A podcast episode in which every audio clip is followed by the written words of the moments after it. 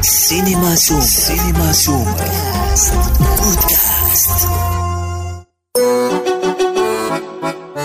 الرواق. برنامج ثقافي فني. نستضيف في كل حلقة نجما من نجوم الثقافة والفن. الرواق. الرواق ما لما طيارة. لما طيارة.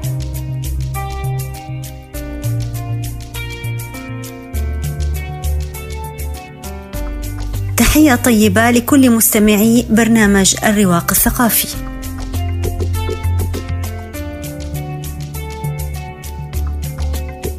ضيفتنا لهالشهر ضيفة مميزة جدا فهي واحدة من نواعم ال MBC بالإضافة لكونها ممثلة قدمت عدة أدوار هامة في التلفزيون والمسرح والسينما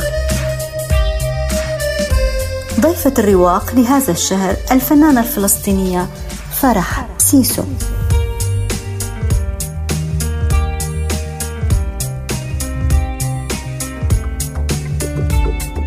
أه، مرحبا فرح. أه، أنا سعيدة جدا أنك ضيفتنا ببرنامج الرواق الثقافي.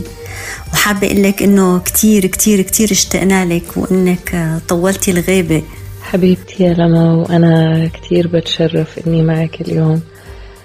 أه وأنا اشتقت لكم كتير. وهي غيبة بس هلأ خلص صار في رجعة ما عادت غيبة عودتك للدراما كانت من بوابة السينما من خلال فيلم بنات عبد الرحمن فكيف تم اختيارك للدور وين تم تصوير هذا الفيلم؟ والله يا لما آه، هي قولا واحدا يعني عودتي للدراما كانت من بوابة السينما ومن فيلم بنات عبد الرحمن تحديدا وهاي أحلى عودة الصراحة والعودة اللي أنا كنت بتمناها بالفعل. هلا كيف تم ترشيحي هذا السؤال؟ برجع على مخرج العمل الأستاذ زيد أبو حمدان ولمنتجة العمل اللي هي الفنانة الغالية صبا مبارك. هم اللي لازم يجاوبوا على هذا السؤال. يعني على أي أساس وكيف آه، شافوني بالدور. لكن آه، بردي على وين كان التصوير؟ التصوير كان بالكامل آه، في الأردن بعمان. زيد شفت أبوي؟ نروح نرقص بعرس البنت وأبوك ضايع مختفي وأنا كمان. كاسر عيننا من اللي شافه بدبي وأحداث دبي. أبوي راح عشان أنا جيت. ما بعرف ليش راح.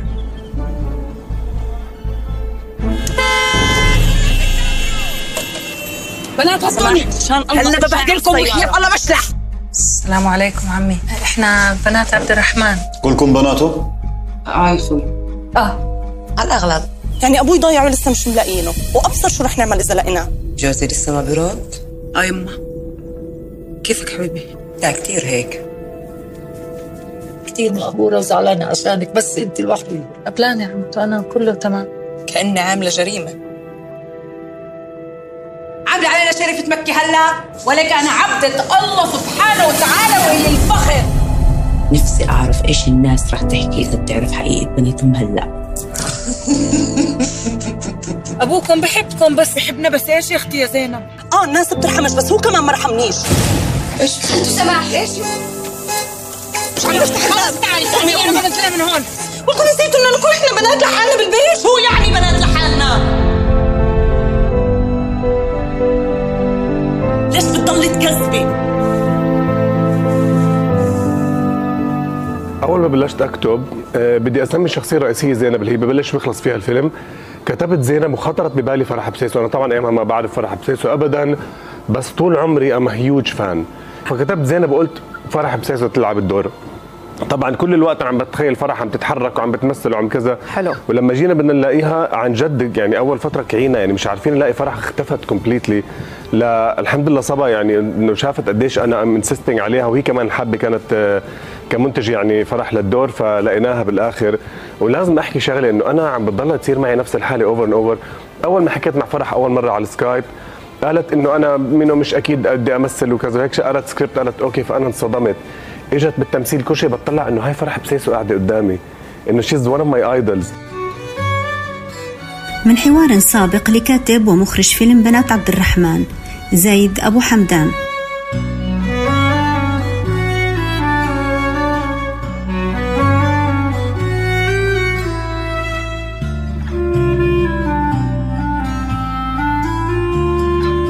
فرح نحن بالرواق. من هالحلقة قررنا نستقبل أسئلة من الأصدقاء النقاد والصحفيين لضيوفنا. وبما أنه لسه عم نحكي عن فيلم بنات عبد الرحمن فحبيت أقرأ لك السؤال آه، اللي طرحته عليك الناقد المصرية أمنية عادل. دورك بفيلم بنات عبد الرحمن كان صامت آه، بعكس معظم شخصيات الفيلم اللي كان عندها حوارات كتيرة وانفعالات. لكن زينب آه، كانت صامتة لوقت طويل. فكيف استطاعت فرح بسيسو أن تقوم بالإعداد النفسي لشخصية زينب في ضوء كل هذا السكوت والانفجار آه، المفاجئ؟ آه، أولا يا لما بتشكرك وبتشكر الأستاذة أمنية على هالسؤال. هلأ صراحة يعني كبداية أنا أنا دائما بقول الصمت أوقع أحيانا من الكلام أحيانا. وأحيانا الصمت آه، أو التعبير بدون كلام بيكون في كلام أكتر من الكلام نفسه.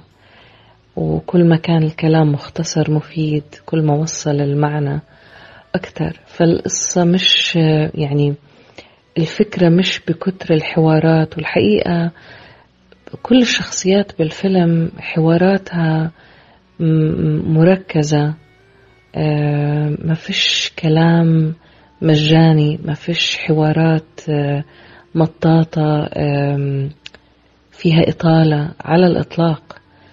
آه، يمكن ببتدي الموضوع لما من النص نفسه. أنا بالنسبة إلي النص هو المحرك الأساسي.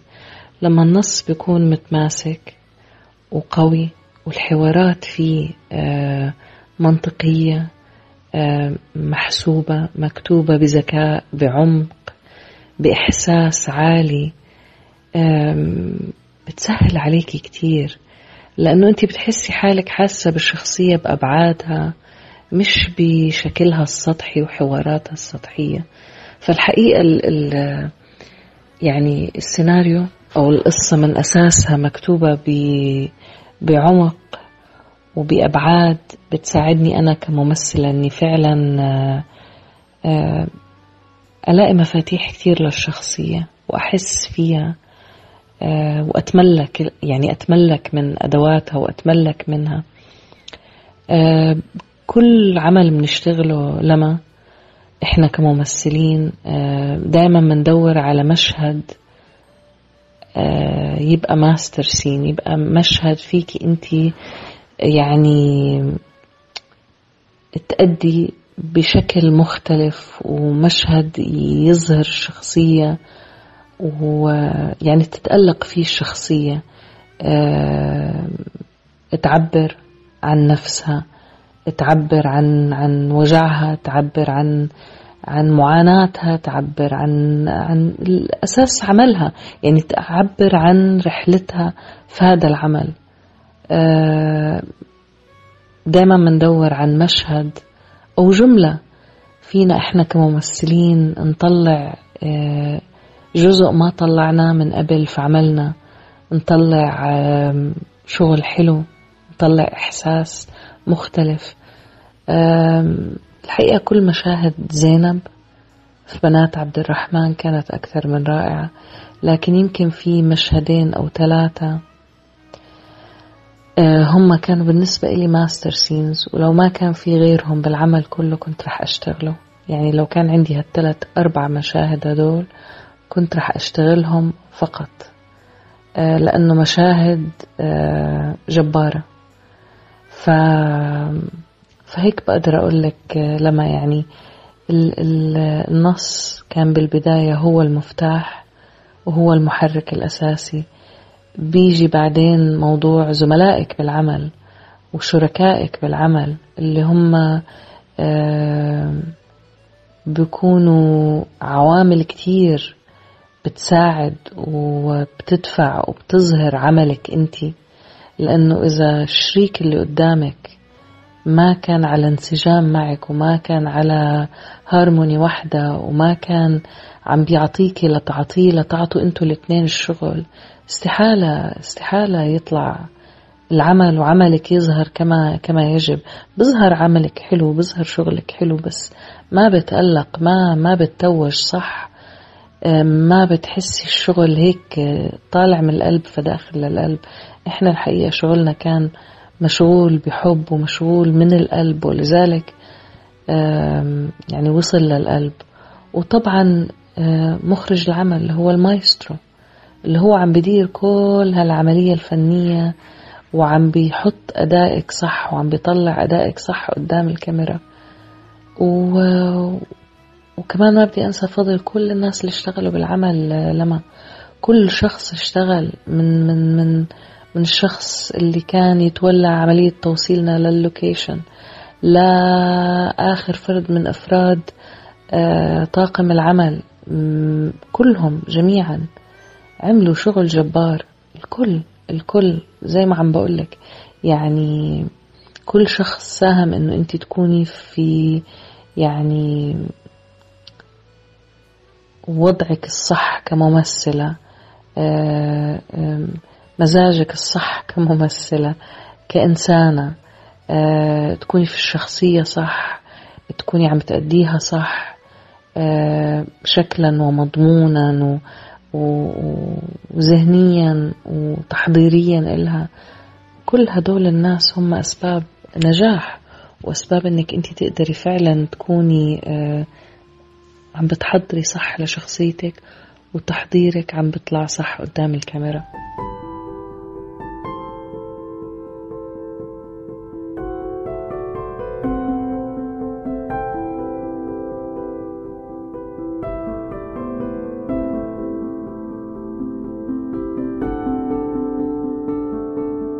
بفيلم بنات عبد الرحمن كنت عم تحكي بلهجة الفلسطينية لهجتك الأم. ويقال أنه الفنان يستطيع إظهار مشاعره بشكل أكبر في حال تكلم بلهجته. مع ذلك أنت أديتي أدوار كتير بلهجات مختلفة على رأسها طبعا السورية. فكيف قدرتي تتقني أول شيء اللهجة؟ وكيف قدرتي تظهري إحساسك بكل تلك القوة من خلال لهجة بعيدة عن لهجتك؟ لما بقولوا لك لما بتحبي مكان أو بتحبي ناس أو بتحبي لهجة بتتقنيها. هي قولا واحدا صح. ما بتقدري تتقني لهجة إذا ما حبيتيها وإذا ما حبيتي إنك تتعلميها وما رح تحبي إشي إنك تتعلميه غير إذا حبيتيه.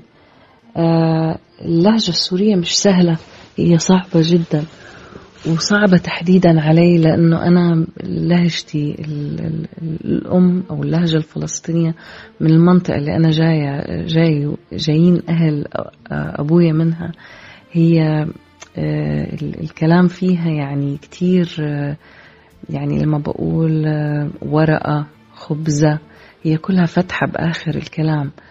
فاللهجة السورية مختلفة تماما وصعبة.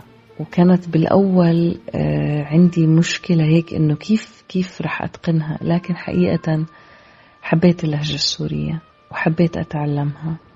وبالتالي صارت بالنسبة إلي بدون تفكير بنطقها لساني بقلب على طول وبقدر أحكي اللهجة السورية بدون حتى يعني أقل عناء. ما فيش أي أي أي حتى تفكير أو أو صعوبة.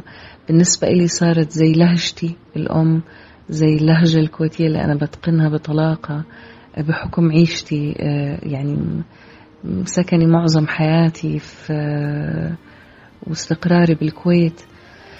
ف وإحنا كممثلين كمان لما يعني بصير الواحد هاي واحدة من الأدوات اللي عنده. واحدة من الأدوات اللي لازم يكون عنده قدرة على على الإتقان فيها. أه طبعا في ناس عندهم هاي الملكة في ناس بيلاقوا صعوبة وبكونوا ملتزمين بلهجة واحدة أو أو لكنة واحدة هم بيعرفوه هذا مش مش غلط ما بنتقص من قيمتهم كممثلين. يمكن أنا عيشتي كمان في الكويت كانت خليط بلد فيها خليط من الجنسيات. كنا يعني بديش أقول لك اللبناني والسوري والفلسطيني والأردني والمصري والعراقي والبحريني والعماني يعني وإيش ما بتتخيل الجنسيات. فكنا دائما أصحاب نبقى تلاقينا أصدقاء وجيران نلقط من لهجات بعض ونحفظ لهجات بعض ونقلد بعض نحاول نعرف نحكي زي بعض. فيمكن هذه كمان خلت الموضوع بالنسبة إلي يعني محبب وسهل. ابقى على تواصل مستمر وبودكاست الرواق لا تنسى تفعيل زر الاشتراك الموجود في تطبيقك لتصلك الحلقات في حينها هذا يعني أنكم انتهيتم إلى الحرب؟ لا أظن أن هناك خيارا آخر وما زال التغلبيون يربطون قرارهم بقرار الزير سالم؟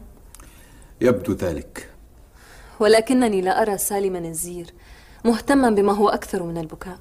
أتشكين أنه سينتهي من بكائه وينهض لثأره ذات يوم؟ أو تظن أنه مرتبط بأخيه؟ هذا الارتباط العميق؟ وما الذي يدعوك إلى الشك في ذلك؟ كانا متناقضين في كل شيء وحين قتل كليب لم يكونا على وفاق. وكان الزير قد غادر الديار استجابة لرغبة كليب. ألا تذكر ذلك؟ أذكر. ولكن مهما كانا مختلفين أو متشاجرين فإن الملمات الحقيقية تعيد الأمور إلى مجراها الطبيعي بين الأخوة أخوان يفتدي كل منهما الآخر أهناك سبب غير ذلك يدعو الزير إلى مشاركتكم في مغامرة اليمن؟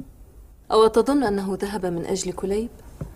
أهناك سبب غير ذلك يبرر مشاركة الزير معكم في مغامرة اليمن مثلا؟ أو تظن أنه ذهب من أجل كليب؟ لماذا إذن؟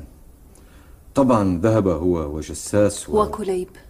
قلها وكليب ذهب من أجل كليب؟ ماذا تقصدين؟ كليب ذهب من أجلي أنا. وكذلك جساس ذهب من أجلي.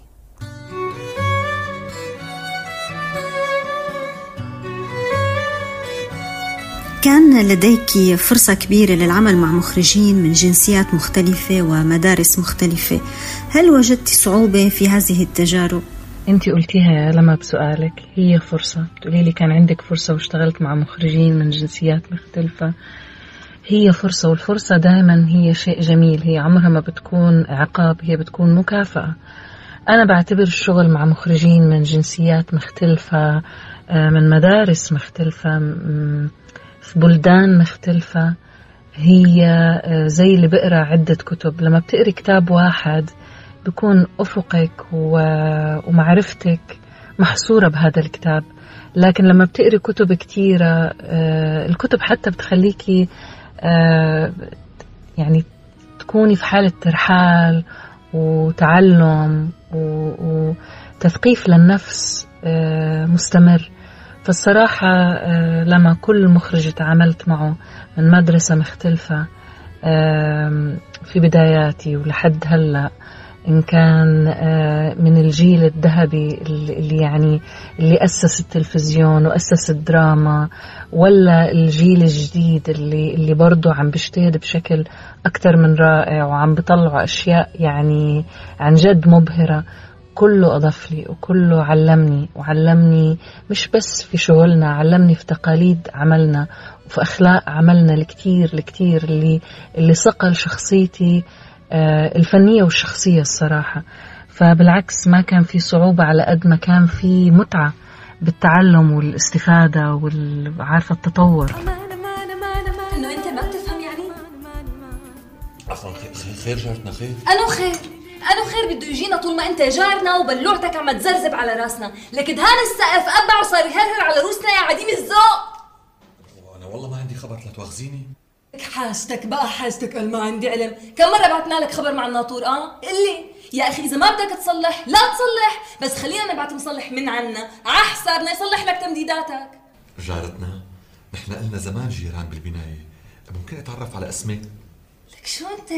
شو أنت؟ ما بتفهم. ما عندك عين. شو بدك بسني هلا؟ يا أخي التهي بالبلوعة. لاقي لها حل وخلصنا بقى. سقف بيتنا عدم من وراك. لك على راسي. على راسي من فوق. بس حضرتك مخطوبة شي جارتنا؟ لك صحيح إنك غليظ وقليل ذوق وما بتنطق. لك أنا بحاكيك من الشرق بتجاوبني من الغرب. بقول لك البلوعة بتقلي مخطوبة. لك شو أنت؟ شو أنت قديش الله أكبر الله أكبر. ناشدتك بالله تعيديها مو معقول مو معقول. يعني هذا واحد من أروع آه، لوحات بقعة ضوء اللي أنت شاركتي فيها. آه، بيخطر عبالي سؤال يعني وأنت في أوج نجاحك دراميا آه، وشهرتك ويعني وصولاتك وجولاتك في الدراما ومع ذلك اتجهتي لترسي في العمل الإعلامي كواحدة من نواعم برنامج ال MBC نواعم وأنا أقدر التجربة حقيقة وأثمنها لكن عندي فضول معرفة سبب توجهك آه، للعمل الإعلامي. والله يا لما يعني أنا بتهيألي إنه تجربة العمل الإعلامي وتحديدا في كلام نواعم هي تجربة غنية وفرصة برضو آه، أنا كنت بتمناها وبدور عليها. الحقيقة كان عندي كتير آه، شيء على الصعيد الشخصي. حابة آه، حابة إني أضيف حابة شوفي أنا بعرف إنه إحنا في عملنا كفنانين وكممثلين كتير بنقدر آه، نقدم آه، أفكار ونقدم مش حقول رسالة لأنه رسالة كتير كلمة كبيرة لكن كتير نقدر نكون مؤثرين بشكل إيجابي في مجتمعنا وفي عالمنا وللناس. آه ويمكن هذا هدف من الأهداف اللي بتبقى عند بعض الفنانين آه إنه أنت عملك يكون له فايدة. لكن حقيقة أنا كنت بتمنى أكثر من هيك كنت بتمنى أطلع بشخصيتي أنا آه مش ورا شخصية مكتوبة وأحكي آه شيء من أفكاري شيء من قناعاتي أقدر أكون بمحور آه، اجتماعي عارفة؟ فالحقيقة برنامج كلام نواعم كتير آه، يعني كمل هاي النقطة عندي إنه قدرت آه، ألمس حياة الناس بشكل آه، قريب ومختلف. ما بقل قرب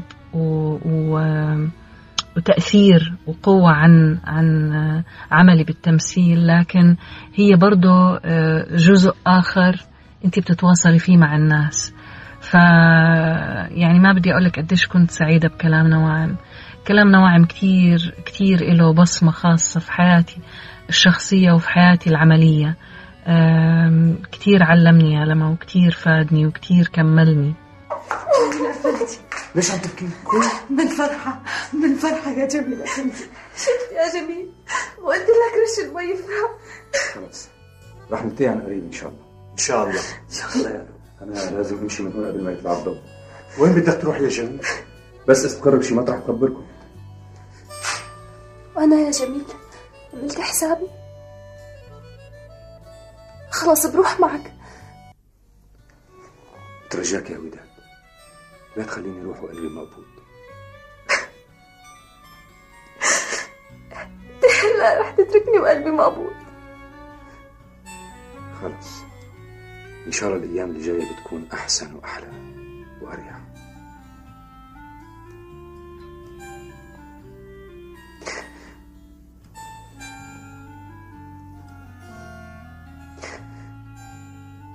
روح يا جميل.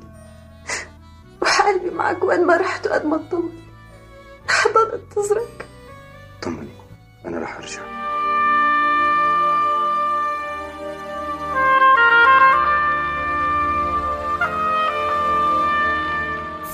مؤخرا عن عمل شاركتي فيه آه، هو عمل سيعرض على قريبا على شاشة نتفليكس وهو من إنتاجه آه، ممكن تحكي لنا عن هالتجربة تحكي لنا عن هالعمل؟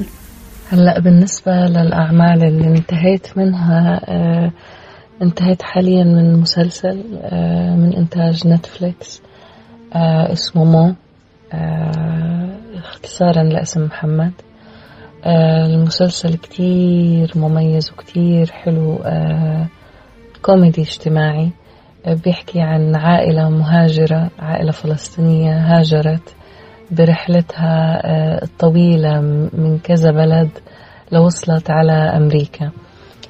طبعا العمل بطولة الممثل الفنان الكوميدي مو عمر آه، هو كتير مميز آه، بمهنته وبعمله وكانت فرصة أكثر من رائعة إني أشتغل معه وعملت دور أمه.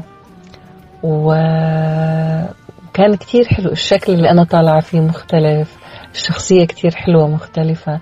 إن شاء الله رح يطلع العمل آه، يعني على منصة نتفليكس بتاريخ 24 8 2022 فقريبا جدا إن شاء الله رح تشوفوني بشخصية آه، يسرى النجار آه، بالنهاية فرح لابد أنه أسألك ما هو القادم من أعمال درامية؟ وخاصة أنه معظم الناس حست بالانقطاع وبتتمنى أن تكون عودتك عودة نهائية. آه، مثل ما كان عم يوصلنا من من الأصدقاء اللي يعرفوا بأنك أنت ضيفتنا وهن كتير مشتاقين لك. فبتمنى أنه تكون عودة عودة مباركة للدراما. القادم من أعمال الحقيقة لما القادم كتير حلو. في مشاريع بس الحقيقة لحد ما الواحد يكون يعني تمم الاتفاق بقدر أحكي عنها لكن إن شاء الله آه، عدت للعمل وإن شاء الله ما في غياب أبدا. آه، الخريطة الأيام الجاية واضحة. وطبعا كله بإرادة رب العالمين لكن أنا من عندي أتميت مهمتي الشخصية في حياتي الشخصية اللي هي طبعا كتير ناس دائما بتسألني بتقولي ليش تركتي وليش غبتي وليش رحتي أمريكا؟ رحت لأنه كان في أمور شخصية لها علاقة بحياتي وحياة بناتي الدراسية وإقامتنا هون كان لازم سنين معينة أتممها هون وأتممت اللي علي ورجعت. فبتشكرك كتير على هالمقابلة وبتشكر كل شخص عم يعني عم بسمعنا. و... وأنا اشتقت للجميع زي ما هم اشتاقوا لي. وبتشكرك كثير يا لما شكرا فرح. بتمنى لك كل التوفيق والنجاح بمسيرتك الفنية وبكل ما هو قادم من أعمال.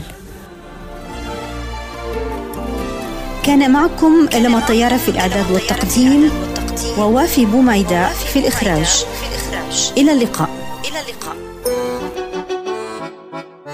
يمكنكم الاشتراك والاستماع إلى بودكاست الرواق عبر منصة سبوتيفي كاست بوكس وجوجل بودكاست.